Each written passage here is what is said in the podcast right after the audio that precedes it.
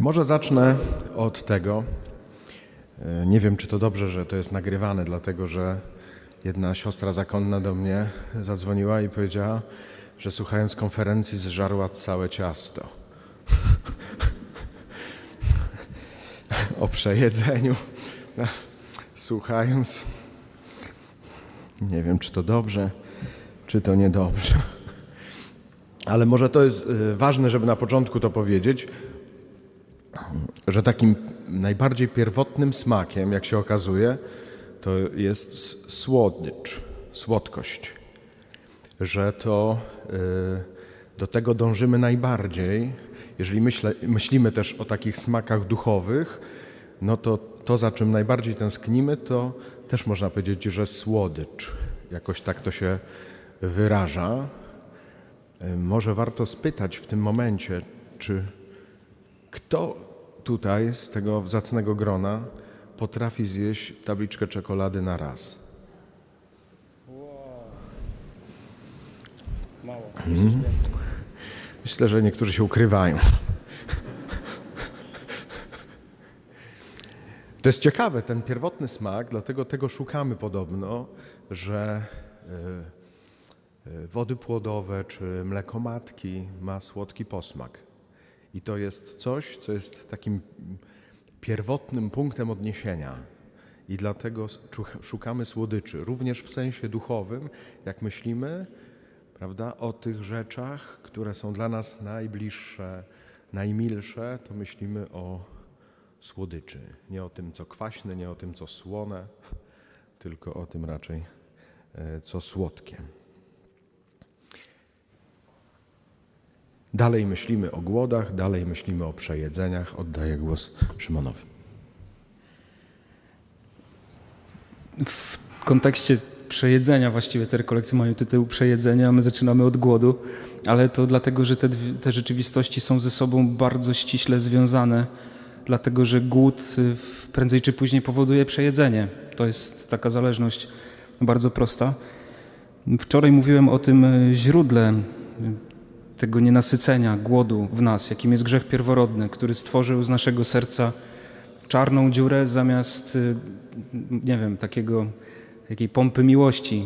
Gdzieś przeczy- przeczytałem to u księdza Alfreda Cholewińskiego, jezuity zresztą, który napisał świetną książkę ABC chrześcijaństwa i on tam podaje taki przykład, że właśnie w raju serce człowieka było jak pompa i właściwie taką pępowiną było połączone z sercem Boga. I, no i to była piękna, piękna e, struktura, dlatego że to serce człowieka było pełne miłości. Można powiedzieć, że właściwie to, co dzisiaj jest tym naszym głodem, to, o czym chcemy dzisiaj mówić, w raju było w pełni zaopatrzone. Człowiek był, był pełen tego, czego, za czym dzisiaj tęskni.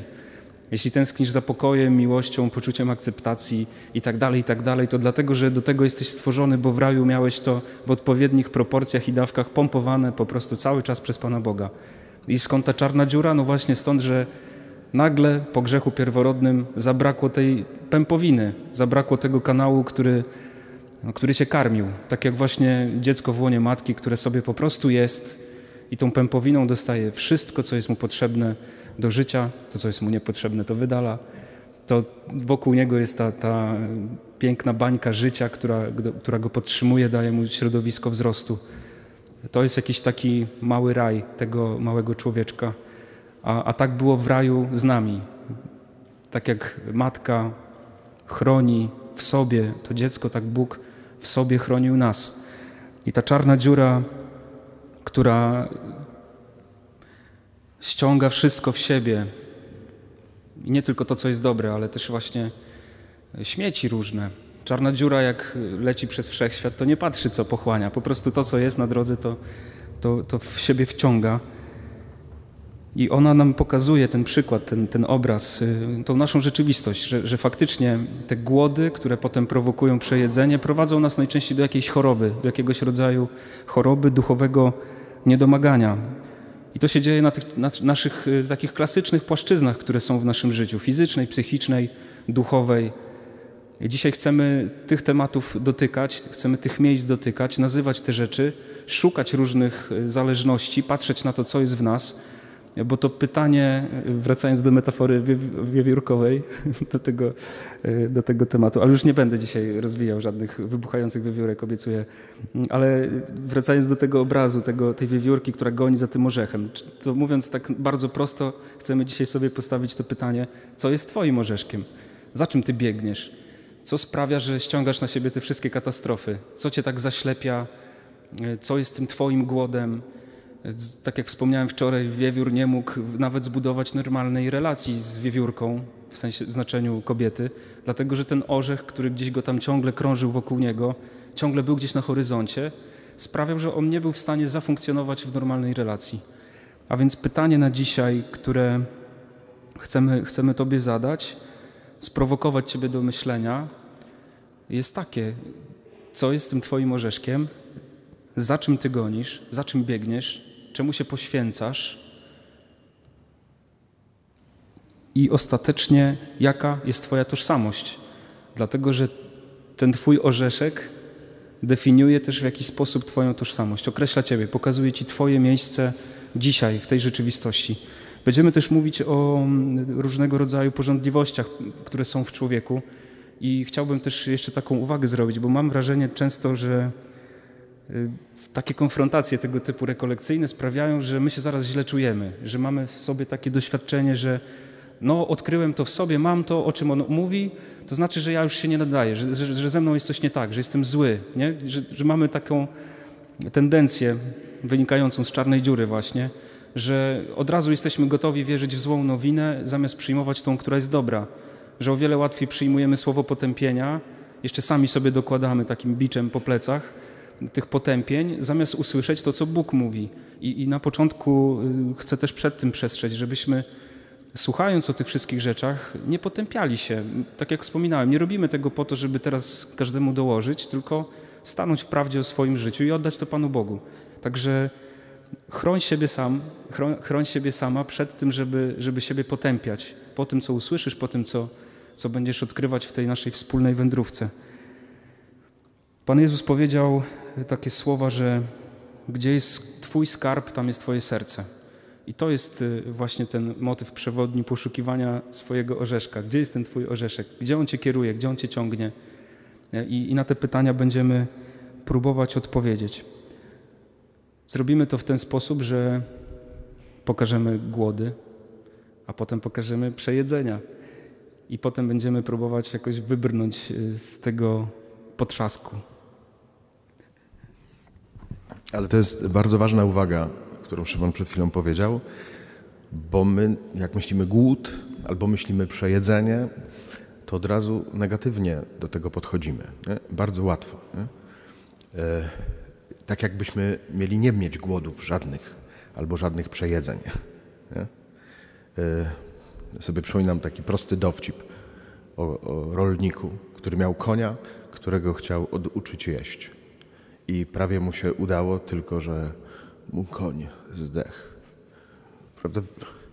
Więc jakby czasami my w życiu duchowym dokładnie tak robimy, niestety. Że jak zobaczymy, że coś jest nie tak, z czym sobie nie radzimy, to chcemy to zupełnie wyeliminować. Zamiast e, nadać temu odpowiednią miarę i porządek, to chcemy się w ogóle tego pozbyć. Nie? Myślimy sobie, jak tego nie będzie, to będę w porządku. Nie? Jak tego nie będzie, to sobie będę dobrze radził. Nie, właśnie to ma być. Nie? Mamy być głodni, nie? a nawet czasami przejedzeni mamy być, żeby poczuć, że żyjemy. Że nie jesteśmy Panem Bogiem, że nie jesteśmy doskonali, tym samym, że Jego potrzebujemy. E, tak jak Szymon wspomniał, to się dzieje na tym poziomie fizycznym, na poziomie emocjonalnym, psychicznym, na poziomie duchowym. Oczywiście my jesteśmy tym wszystkim naraz, więc to nie jest tak, że y, umiemy to od siebie oddzielić, że sobie świetnie radzimy z fizycznym, e, a na przykład kiepsko z psychicznym czy emocjonalnym. Nie, że to wszystko wpływa. Nie? Bardzo często się zażeramy fizycznie, dlatego że mamy stres albo na przykład poczucie winy to jest z porządku emocjonalnego, ale skutek jest fizyczny. Prawda? Ale tak samo jest w kwestiach duchowych, że coś nam się wydaje, że coś powinno jakieś być, albo że czegoś powinno być więcej, albo że czegoś powinno być mniej, a to potem się przekłada na przykład na naszą emocjonalność, że się w tym jakoś blokujemy, zamykamy i tak dalej, i tak dalej. I czasami musimy y, coś zrobić fizycznie na przykład ze sobą, na przykład zacząć biegać albo zacząć tańczyć, prawda? żeby mi się emocje otworzyły jakoś na przykład, a też potem na przykład otworzy mi się coś duchowego. Więc to jest e, coś, co wydaje mi się bardzo ważne, żebyśmy zobaczyli to, na ile to możliwe, szeroko i w różnych konfiguracjach i połączeniach. My jako ludzie jesteśmy też bardzo skomplikowani i subtelni, tak Pan Bóg nas wymyślił, więc też nie chcemy Wam dawać zbyt prostych podziałów i zbyt prostych rozwiązań, bo jakby to, to było po prostu takie proste, to byśmy się szybko już dawno zorientowali i w ogóle szkoda by było tych rekolekcji, tylko po prostu już dawno byście sobie z tym wszystkim radzili. Nie? Natomiast to jest w taki sposób czasami zapętlone w nas, że w jednym wejrzeniu trudno zobaczyć, o co właściwie chodzi. I to jest w połączeniu na bardzo różnych poziomach. Myślę, że ja pozwólcie, że teraz wymienię kilka takich poziomów, żeby każdy mógł na tej mapie swojej, swojego życia się trochę poodnajdywać. Czego dotyczy y, ten głód? Na przykład, jeżeli chodzi o relacje, bo mamy ogromny głód relacji. Niektórzy mają głód ojcostwa. Niektórzy mają głód macierzyństwa. Niektórzy mają głód dziewczyny, chłopaka, ale niektórzy też mają głód dzieci. Pragnęliby mieć dzieci i chodzą głodni. Niektórzy mają głód przyjaciela. Nie mam przyjaciela. Niektórzy mają głód rodzeństwa. Chciałbym mieć brata, siostrę. Niektórzy mają głód siebie samego, że cały czas nie mogą jakoś siebie odnaleźć, siebie spotkać. Kim ja właściwie jestem? Jak ja mam jakoś spotkać się z samym sobą? Jak mam to odnaleźć? W innym kluczu można by powiedzieć tak: mamy głód na przykład poczucia bezpieczeństwa. Mamy głód poczucia własnej wartości. Mamy głód miłości. Mamy głód, który dotyczy akceptacji. Mamy taki głód, który dotyczy przynależności, że nie umiem się odnaleźć, bo do nikogo jakoś nie przynależę. Może też być głód bliskości. Może być głód poczucia sensu. Czy wreszcie głód na przykład takiego poczucia bezpieczeństwa, które daje zdrowie, bo ciągle jakoś to zdrowie mi szwankuje. Bardzo różne poziomy, można by wymieniać jeszcze, myślę, całe listy, ale pozwólcie, że ja te wymienię, żeby choć trochę dotknąć, czego to właściwie dotyczy. I tak jak Szymon przed chwilą powiedział, w podobnych kluczach, jak patrzymy na głód, możemy patrzeć też na nasze przejedzenia. Te głody powodują, że zaczynamy szukać. I szczególnie chyba tak, takie mam doświadczenie też, y, generalnie dużo czasu spędzam z ludźmi młodszymi. W tym, w tym sezonie rekolekcyjnym to, to głównie szkoły średnie ale to też y, ważny czas. Myślę, że my często tak traktujemy za mało poważnie y, tych ludzi, młodych bardzo, a okazuje się, że to jest ten moment takiego obudzenia tych głodów, że to wtedy się zaczyna, kiedy zaczynamy dojrzewać i bardzo często wtedy też y, wchodzimy w różne rzeczy, w różne doświadczenia, szukamy własnej tożsamości, żeby siebie jakoś w ogóle określić, zaznaczyć jakieś swoje, nie wiem, granice, zaznaczyć jakieś swoje terytorium w tym świecie. I wtedy też y, te głody się budzą i, i pchają nas do różnych rzeczy i, i, powstaje wtedy mnóstwo, y, mnóstwo ran, mnóstwo zranień, mnóstwo jakichś takich przetrąceń. Wtedy zazwyczaj przeżywamy swój pierwszy koniec świata na różne sposoby, przede wszystkim w relacjach, bo, bo młody człowiek to, czego najbardziej pragnie, to są relacje właśnie, ten głód, głód relacji, to co potem y, przeżywamy dalej, bo my niesiemy ten bagaż, niesiemy całą tą historię.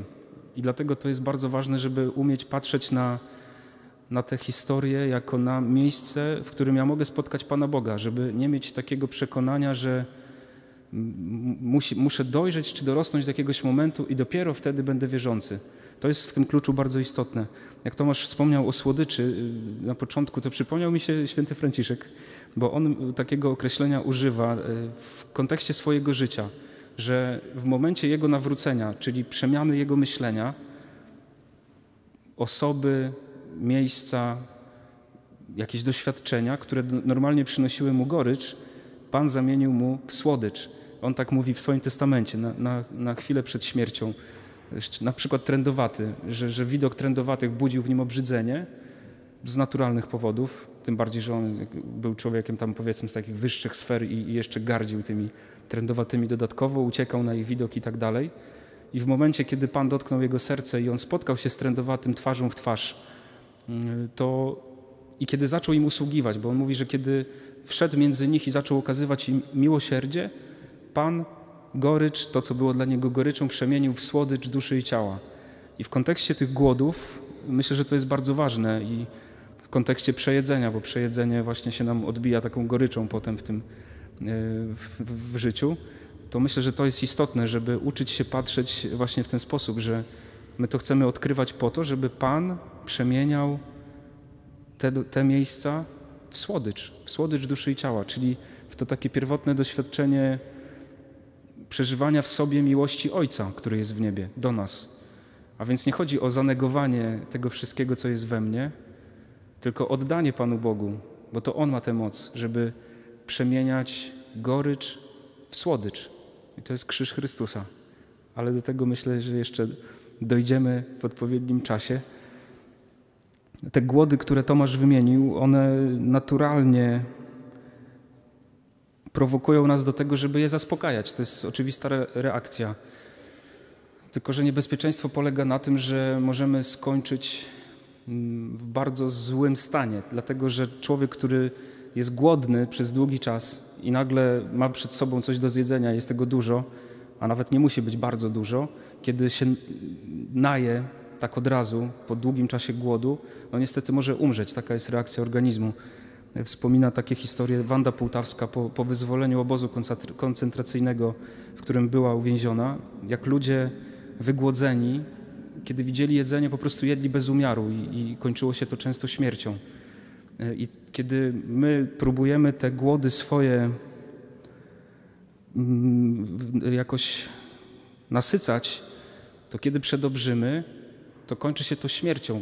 Mówię, mam na myśli grzechy, ale mam na myśli też pewne rozczarowanie, dojście do takiego pułapu nasycenia, przesycenia, który jest tak naprawdę jakiś iluzoryczny i, i nie daje nam tego, czego, czego my szukamy. Te głody rodzą się na tych poziomach psychicznym, fizycznym, duchowym, czyli w tym wszystkim, co jest w nas ludzkie. I te przejedzenia właśnie na tym dokładnie tle wychodzą.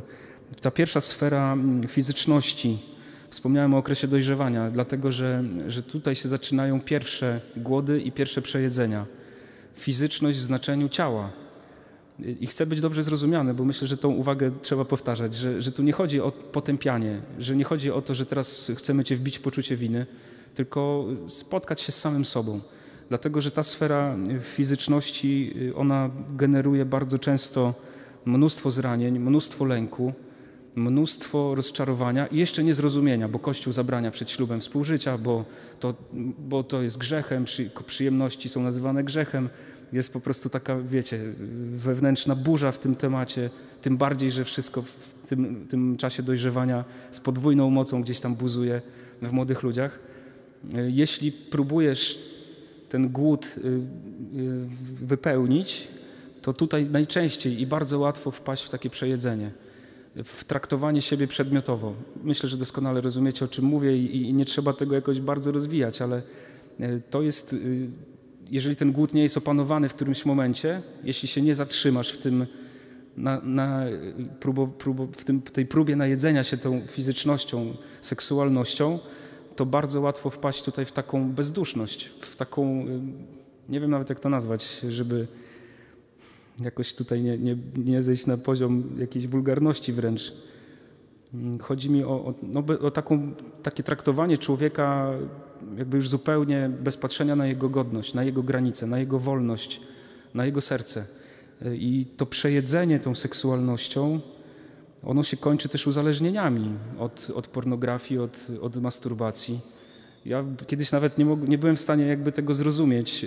Mówię o, z punktu widzenia celibatariusza, to podkreślam. Y, bo ten głód w nas jest też. To, to, nie jest tak, że my jesteśmy od tego wolni. I czytam, y, czytam wywiad z profesorem, seksuologiem. Nie był księdzem, nie był biskupem, nie był duchownym.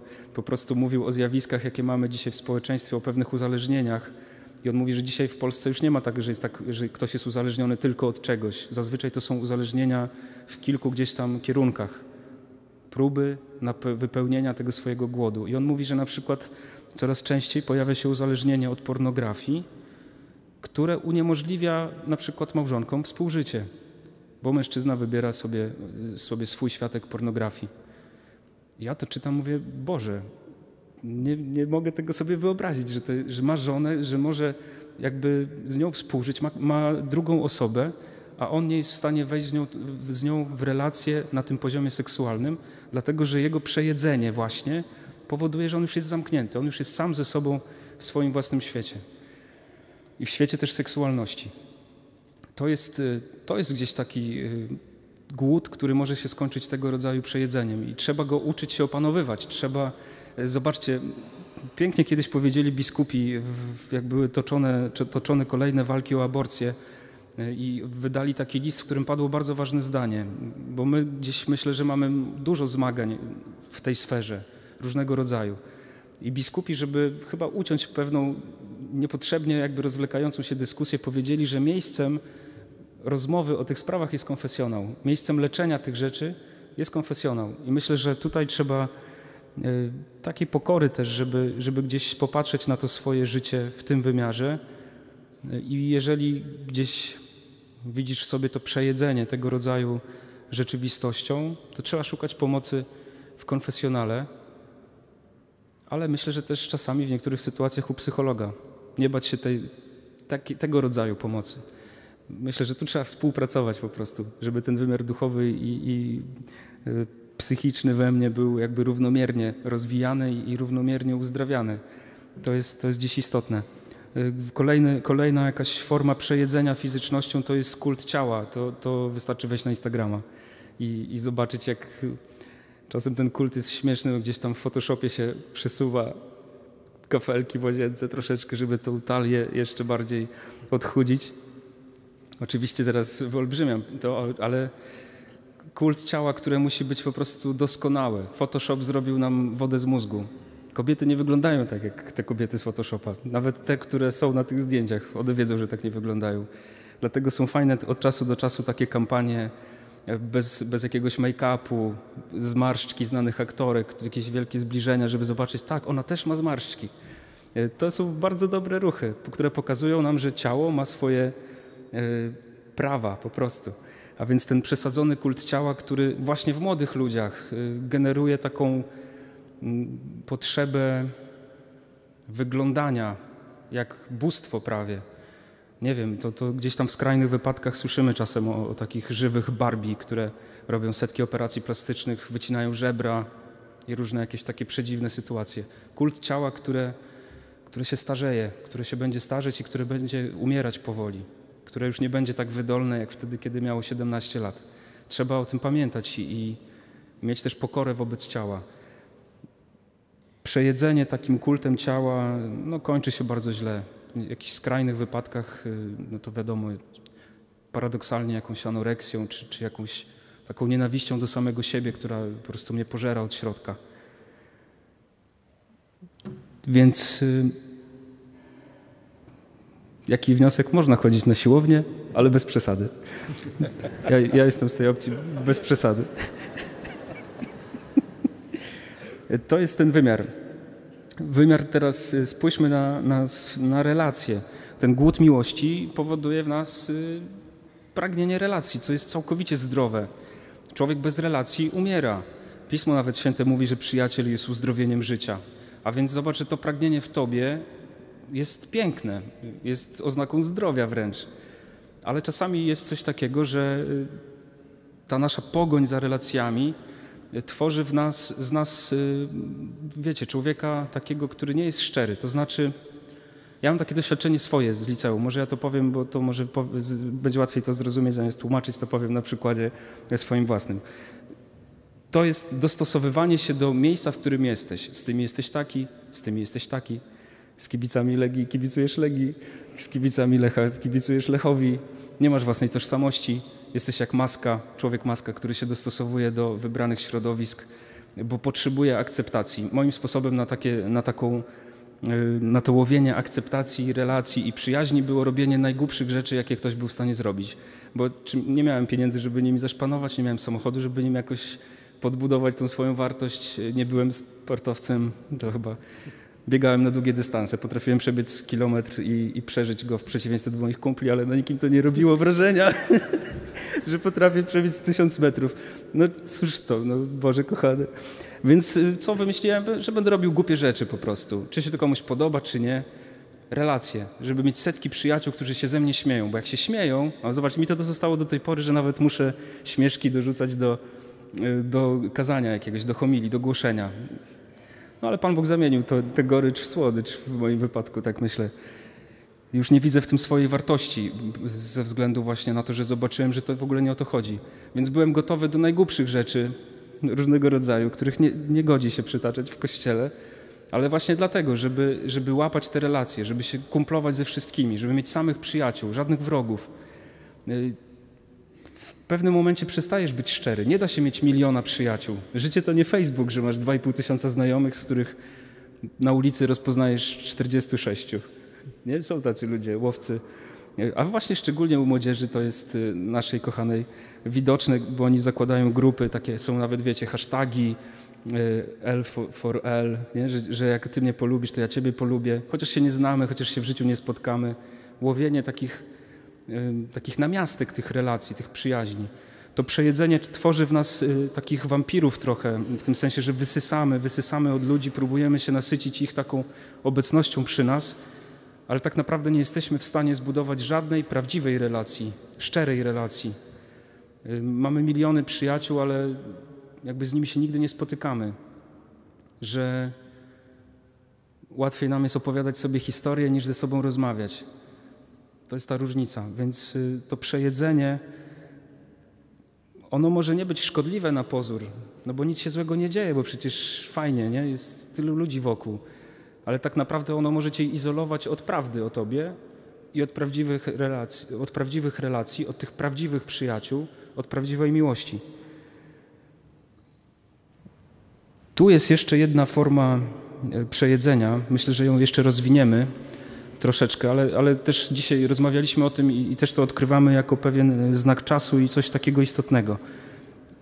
Głód miłości, który możesz sobie odkrywać, może skutkować tym, że ty nigdy nie staniesz się samodzielnym człowiekiem. Co to znaczy? Mam na myśli na przykład relacje z rodzicami. Kiedy jesteś przejedzony relacjami z, relacjami z rodzicami, które bo nie chodzi o to, że relacje z rodzicami są złe, broń Boże, nie chcę tego powiedzieć. Chodzi mi o taki rodzaj relacji, że ty w wieku 27 lat spowiadasz się z tego, że nie słuchałeś rodziców. O, o coś takiego mi chodzi. Rozumiecie? Jeśli masz 27 lat i spowiadasz się z tego, że nie słuchasz rodziców, to jesteś w wielkim błędzie. Powinieneś się spowiadać z tego, że ich słuchasz. Rozumiecie? Czci ojca i matkę swoją nie oznacza bądź im niewolniczo poddany, albo pytaj mamusi, jakie masz zawiesić firanki w swoim pokoju na stacji czy, czy w mieszkaniu. To znaczy, nie, od, nie odbieraj telefonu od mamy codziennie, co trzy godziny. Chodzi o to, żeby w pewnym momencie swojego życia wyfrunąć z gniazda. To jest to. Jest to. I, I chodzi o taki rodzaj przejedzenia tymi relacjami, które ciebie czynią niesamodzielnym. Człowiekiem, który w konsekwencji potem oczekuje, że to inni będą kierować jego życiem.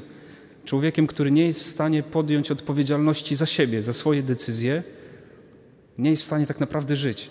I potem jesteśmy świadkami niekończących się narzeczeństw, niekończącego się rozeznawania Bóg wie czego, nie? I, tego, że, że chcesz iść powiedzmy do zakonu i mija kolejny rok, kolejny rok, kolejny rok, a ty rozeznajesz, jeździsz na 76 rekolekcje, Był, już, już cię nie wpuszczają do niektórych klasztorów, bo już cię znają doskonale, mówią, to już idź, no może idź do jezuitów. nie, bo ty rozeznajesz, a oni już wiedzą, że tutaj się za dużo nie rozezna. Przepraszam wszystkich jezuitów, ale to jest taki nasz chyba charyzmat. Mogę ja powiedzieć coś? Proszę bardzo. Bo Szymon już za długo mówi, tak? No właśnie, właśnie, dziękuję, że to przerwałem. Nie, bo myślę, że, że jesteśmy też trochę w takiej kulturze, y, która nas w taki sposób oszukuje, y, że jak coś myślimy, to myślimy, że już to robimy. Nie? Y, I o, ja już coś wiem, to znaczy, że to robię. Wcale tak nie dzieje się. Wydaje się, że ciągle stoję na granicy tego, co mam zdecydować. Nie? To jest świat, w którym my żyjemy, bardzo często teraz, yy, taki, który dzieje się na rozstaju dróg. I tam już nie tylko przystajemy, żeby się zastanowić, czy w lewo, czy w prawo, tylko budujemy sobie najpierw namiocik jakiś, a potem jakąś chatkę z drewna, a potem już nawet jakiś porządny dom. I żyjemy y, na tym rozstaju dróg, tak naprawdę o niczym nie decydując. Ja pamiętam, y, już byłem dominikaninem i miałem taki romans y, z kamedułami. Chciałem być mnichem, po czym została mi łysa głowa i broda. I miałem taką prostą rozmowę z kamedułą. To był taki prosty gość. Y, spotkaliśmy się, bo tam jest milczenie, prawda? Jak grabiłem kamienie, a on budował mur tam, bo był pęknięty.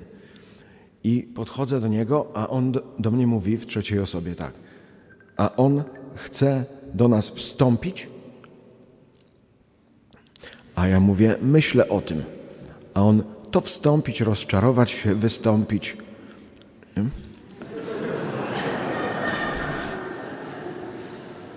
Spokojnie. Ja myślę sobie, podpuszcza mnie, znam regułę świętego Benedykta, tam jest napisane zaraz na początku, zniechęcać kandydata. Nie? Więc dalej walczę. A on mówi tak, bo tak człowiek stoi na rozstaju dróg, a za rogiem czekają sprawy i nie mogą zaistnieć. Że jest ten moment taki, że za rogiem czekają sprawy. Czy pójdziesz w prawo, czy pójdziesz w lewo, ale pójdź, bo jak nie pójdziesz, to nie będziesz umiał zrezygnować nawet z czegoś. Będziesz się coraz bardziej doskonalił, doskonalił, doskonalił bez końca. Nie? To jest takie niekończące się przygotowanie do nie wiadomo czego. Nie? Rozpoznajecie się trochę w tym obrazku? Jest takie ciągłe rozeznawanie, ciągłe doskonalenie. Kolejny kurs, kolejny, kolejny, sprawność, sprawność, sprawność. Po co?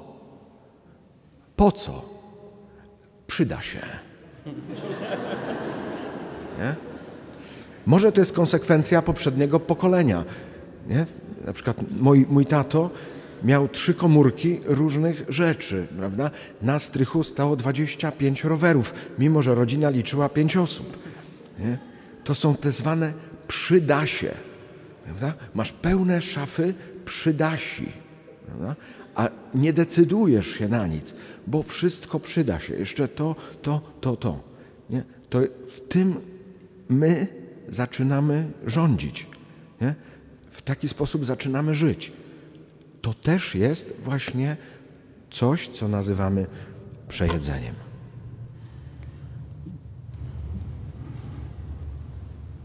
No właśnie, chciałem powiedzieć, tak, dobrze mówi. Ja myślałem, że ja na te rekolekcje przyjadę jak taki hype man, jak coś na hip-hopowych koncertach są tacy, że jest ten główny, co tam coś rapuje i ten drugi z tyłu, tak, tak, coś tam. To teraz właśnie wystąpiłem w roli hypemana. Nic tutaj się nie da dodać. Jeszcze jedna rzecz tylko dodam do tego, to jest coś takiego, że to po, tym, po pewnym czasie już tych przydasiów masz tyle, że tylko czekasz, żeby ktoś ci powiedział, z tego zrób to, z tego zrób tamto, czyli oczekujesz, że ktoś za ciebie podejmie odpowiedzialność za twoje życie. To jest to, że nie stajesz się osobą, osobnym kimś, tylko jesteś ciągle takim, nie wiem kim, jak to nazwać, kogoś takiego, przejedzonym tymi, tym wszystkimi rzeczami, nie? że już jesteś tak ociężały, właśnie masz ten dom na tym rozstaju dróg i, i nie jesteś w stanie ruszyć w żadną stronę. To, to to też na przykład na tym polega, że jesteś mądry we wszystkich dziedzinach, a to powoduje, że wszystko krytykujesz. Nie? Że na, o wszystkim wiesz, na każdy temat masz zdanie, ale jakby ktoś powiedział, ale to zrób to. A ty mówisz, ale ja nie jestem od tego. No to po co to gadasz w ogóle? Bo ja wiem. Nie? Ale wiem właśnie to nie znaczy, że robisz. Nie? Jesteś pełny zbędnej wiedzy, taka, takiej, która się nie przekłada na życie w tym sensie. Nie? Jakby w ten sposób jesteśmy oszukiwani. Nie? Dlaczego? Dlatego, że włożyłeś bardzo dużo sił, bardzo dużo energii, bardzo dużo pieniędzy, bardzo dużo swojego czasu, żeby to zdobyć. A teraz trochę kończysz jak bankrut, bo to wszystko jest jakby nie do użycia. Jakby w tym jest rzecz i, i w tym jest wielka szkoda. To jest słowo, które nie stało się ciałem. Nie? Że, że właśnie to, co mówisz, że masz wiedzę, jesteś napakowany wszystkim, wiesz, jak powinno być, a po prostu para idzie w gwizdek. To się nie przekłada na, na rzeczywistość. I, I, w tym kontekście też y, warto powiedzieć o jeszcze jednym rodzaju przejedzeń, czyli przejedzenie duchowe bo można być za bardzo pobożnym. Czasami są sytuacje, w którym trzeba komuś powiedzieć: przestań się modlić. Dlatego, że to jest jakby kolejny obraz tego samego, że, że człowiek nasłucha się o miłości Boga. No ile można, słuchajcie, jeździć na rekolekcje ewangelizacyjne? Ile razy ty chcesz być ewangelizowany? Ile razy musisz usłyszeć, że Bóg ciebie kocha, zanim zaczniesz kochać? To jest właśnie ta sama zasada, nie? że po prostu siedzisz w jakimś takim przedziwnym, miejscu i to jest taka, taka impotencja, że nie masz w sobie mocy sprawczej. To wczoraj o tym chyba wspomniałem, a może to nie były te rekolekcje, ale w każdym razie, że chrześcijaństwo to jest miejsce, w którym wiara przekłada się na konkretną rzeczywistość. Że, że wiara, słowo, które dostajesz, ono domaga się zrealizowania w Twoim życiu. Nie można ciągle tylko słuchać i słuchać i słuchać. Są tacy, Marcin Jakimowicz kiedyś pisał y, taki felieton o, o łowcach wrażeń duchowych czy łowcach rekolekcji, nie? że jeżdżą po prostu na wszystkie rekolekcje po całej Polsce, charyzmatyczne, napełniają się charyzmatami i, po prostu sztuka dla sztuki, bo ten, ten charyzmat potem nigdzie nie znajduje wypełnienia w kościele, w służbie braciom. I to jest też y, forma przejedzenia bardzo taka, nie wiem czy popularna, czy dotkliwa jakoś gdzieś tam w naszej rzeczywistości, że, że my ciągle chcemy być tacy, wiecie, na takim topie duchowych poszukiwań właśnie to niekończące się przygotowanie do nie wiadomo czego. To jest po prostu idealne określenie na tą rzeczywistość, że słuchasz kolejny raz 70 milionów dziennie. Bardzo dobrze, że, że zrobiliście tego kato Netflixa, bo już jest tego tyle, że się nie da tego obejrzeć w jeden dzień, tego co wypuszczacie dziennie. I bardzo dobrze.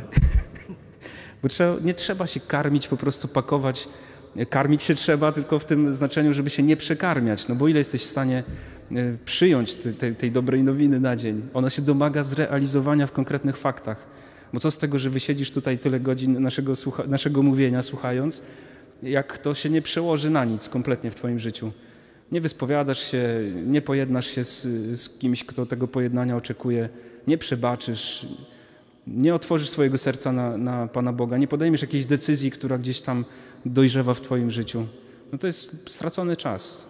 To będzie stracony czas. Słuchanie, które nie, nie powoduje rodzenia, Macie, ale wjechałem na, na poziom. Ale to jest to, że słowo, no tak jak w chrześcijaństwie, od czego się zaczyna chrześcijaństwo? Że słowo stało się ciałem. I, I, tego się domaga wiara, która się w tobie gromadzi. Nie ciągłego takiego, wiecie, podlewania, podlewania, podlewania, bo to, to ziarenko musi w końcu wyrosnąć. Jak za dużo wody mu wlejesz, to zgnije.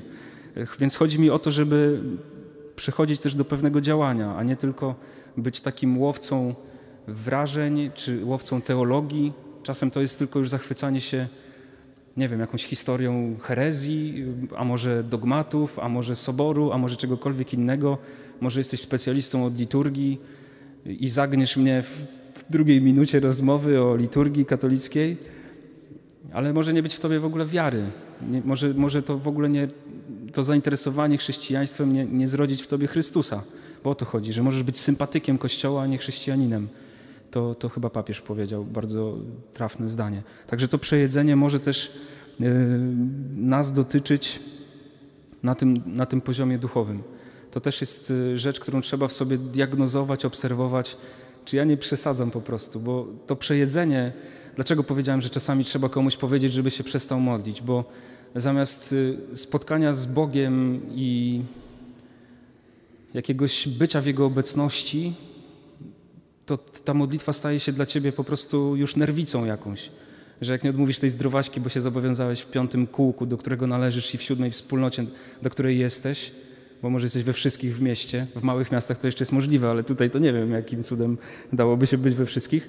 I masz tyle tych zobowiązań, przymierzy, papierków, yy, ćwiczeń, podstanowień, że ty już po prostu sam nie ogarniasz, nie? że już jest tego tak dużo, że w końcu mówisz, Boże, nie odmówiłem zdrowaśki nie wiem, wojna wybuchnie przeze mnie gdzieś tam na świecie, pół ludzi umrze, kuli ziemskiej się rozpadnie, bo nie odmówiłam swoich wszystkich modlitewek. Także takie przejedzenie duchowością, pobożnością y, wcale niekoniecznie musi być wiarą, wcale niekoniecznie jest życiodajne. Może jeszcze taka jedna praktyczna rzecz a propos spowiadania się. Bo my często przychodzimy z tymi samymi grzechami i spowiadamy się. I taka jest moja obserwacja, że bardzo często to polega na tym, że kolejny raz przychodzę i się udrzalam nad sobą. Prawda? Starałem się i nie wyszło mi coś tam, a znów to jest, a znów to robiłem, a znów to. Bardzo ciekawe, jak czytacie uważnie Ewangelię, możecie zobaczyć. Nie? jakie y, pytanie zadaje Jezus. I to w takich rzeczach, które są już oczywiste dla tego człowieka i dla wszystkich, nie? Że przychodzi ślepiec do Jezusa, nie? On jest ślepy. Wszyscy widzą, że jest ślepy. A Pan Jezus zadaje mu jakie pytanie? Co chcesz, abym ci uczynił?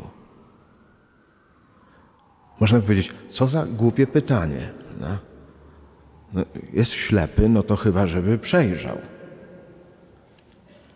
Ale czy on to wie, że o to mu chodzi? Niekoniecznie. Ten człowiek, który był chromy i który tam właśnie nad sadzawką owczą, co chcesz, żebym ci uczynił? On mówi: Nie ma kto mnie wprowadzić do sadzawki. Ale czy chcesz być zdrowy? Nie? To wcale nie jest oczywiste. Nie? My przychodzimy do spowiedzi, spowiadasz się i mógłbym powiedzieć, ale po co? Co by miało z tego być? Do czego ma to Cię doprowadzić, że ja odpuszczę Ci grzechy? No okej, okay, chcesz, żebym Ci odpuścił grzechy. Dobrze, ale po co?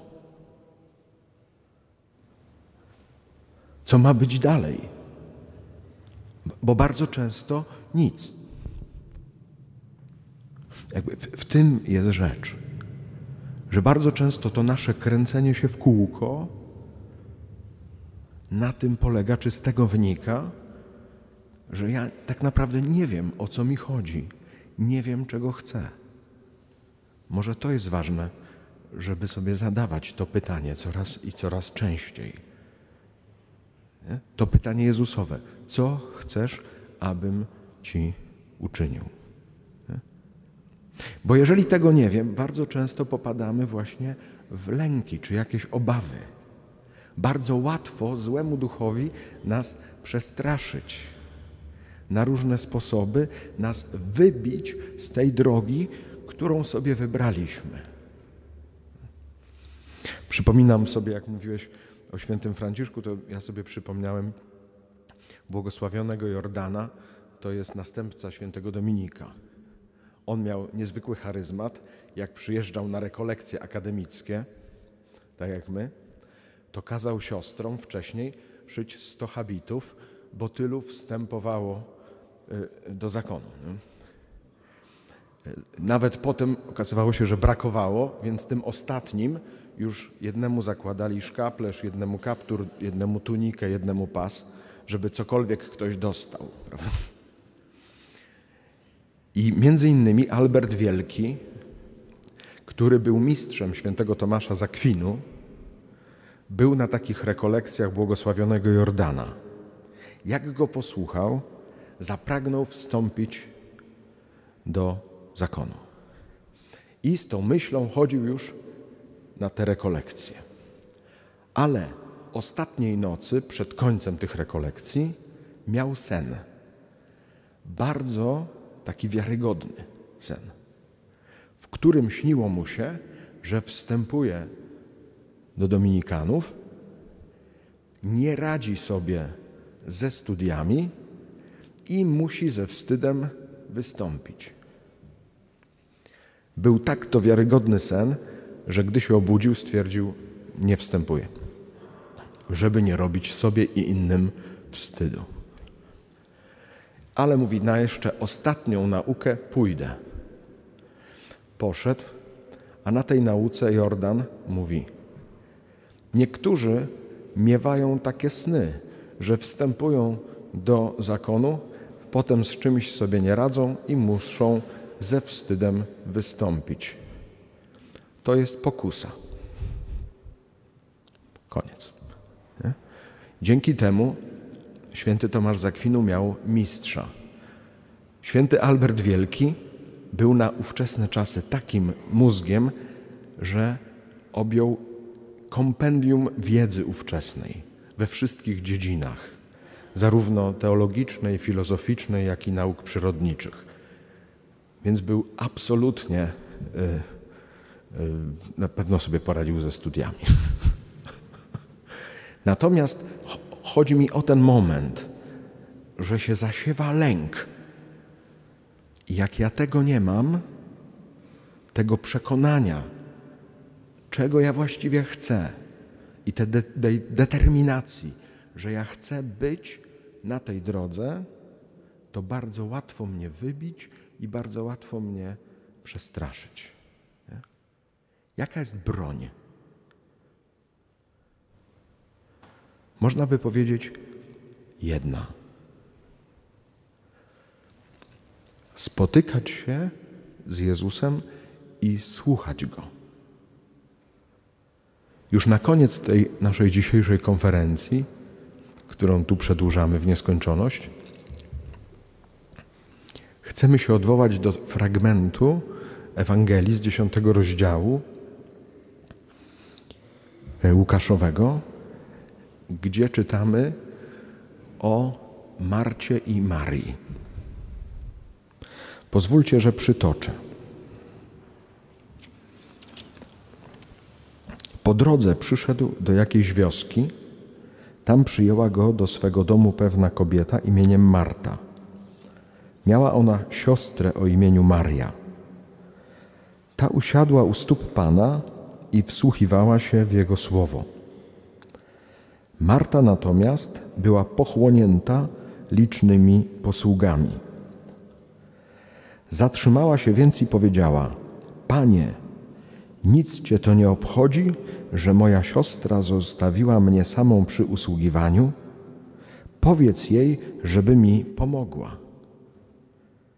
Pan jej odpowiedział: Marto, Marto, martwisz się i niepokoisz o wiele, a jedno jest potrzebne.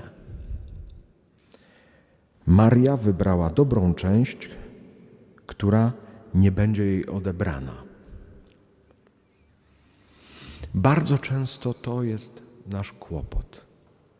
Jak nie znamy swojej miary i tego, co do nas należy, co mamy robić, to zaczynamy robić zbyt wiele rzeczy. Bardzo wiele myślę, że tu jest takich mart, które robią zbyt wiele. I potrzeba tego słowa miłości od Jezusa, bo to jest nie skarcenie, tylko słowo miłości. On podwójnie mówi do niej: Marto, Marto. Nie dlatego, że jej nie kocha, tylko żeby powiedzieć, że bardzo ją kocha. Zamartwiasz się, czyli stajesz po stronie martwoty. To Twoje działanie przynosi Ci coś, co Cię zabija. Jeszcze chcesz do tego wciągać swoją siostrę, żeby była do Ciebie podobna. Niestety taką ma to strukturę czy naturę. Że jeszcze innych wciągamy w to swoje zamartwianie. I on mówi: Maria obrała najlepszą cząstkę, to znaczy jest ze mną i słucha, jak to wygląda w moich oczach. Bardzo byśmy chcieli na koniec tej konferencji do tego Was zaprosić, żebyście przejrzeli się, czy pozwolili zobaczyć swoje życie, ale odbite w oczach Jezusa. Jak On Was widzi, jak On widzi Wasze życie. Jaka jest rzeczywiście miara Waszego życia. Tego, co do Was należy, a co nie należy. Tego, co macie robić i czego nie macie robić. Nie my jesteśmy miarą, ale tą miarę widać w oczach Jezusa. Dlatego Go zapraszamy do tych rekolekcji i jeszcze raz, i jeszcze raz. Bo jeżeli chcemy znaleźć tą naszą miarę głodu, to ona jest właśnie w Jego oczach.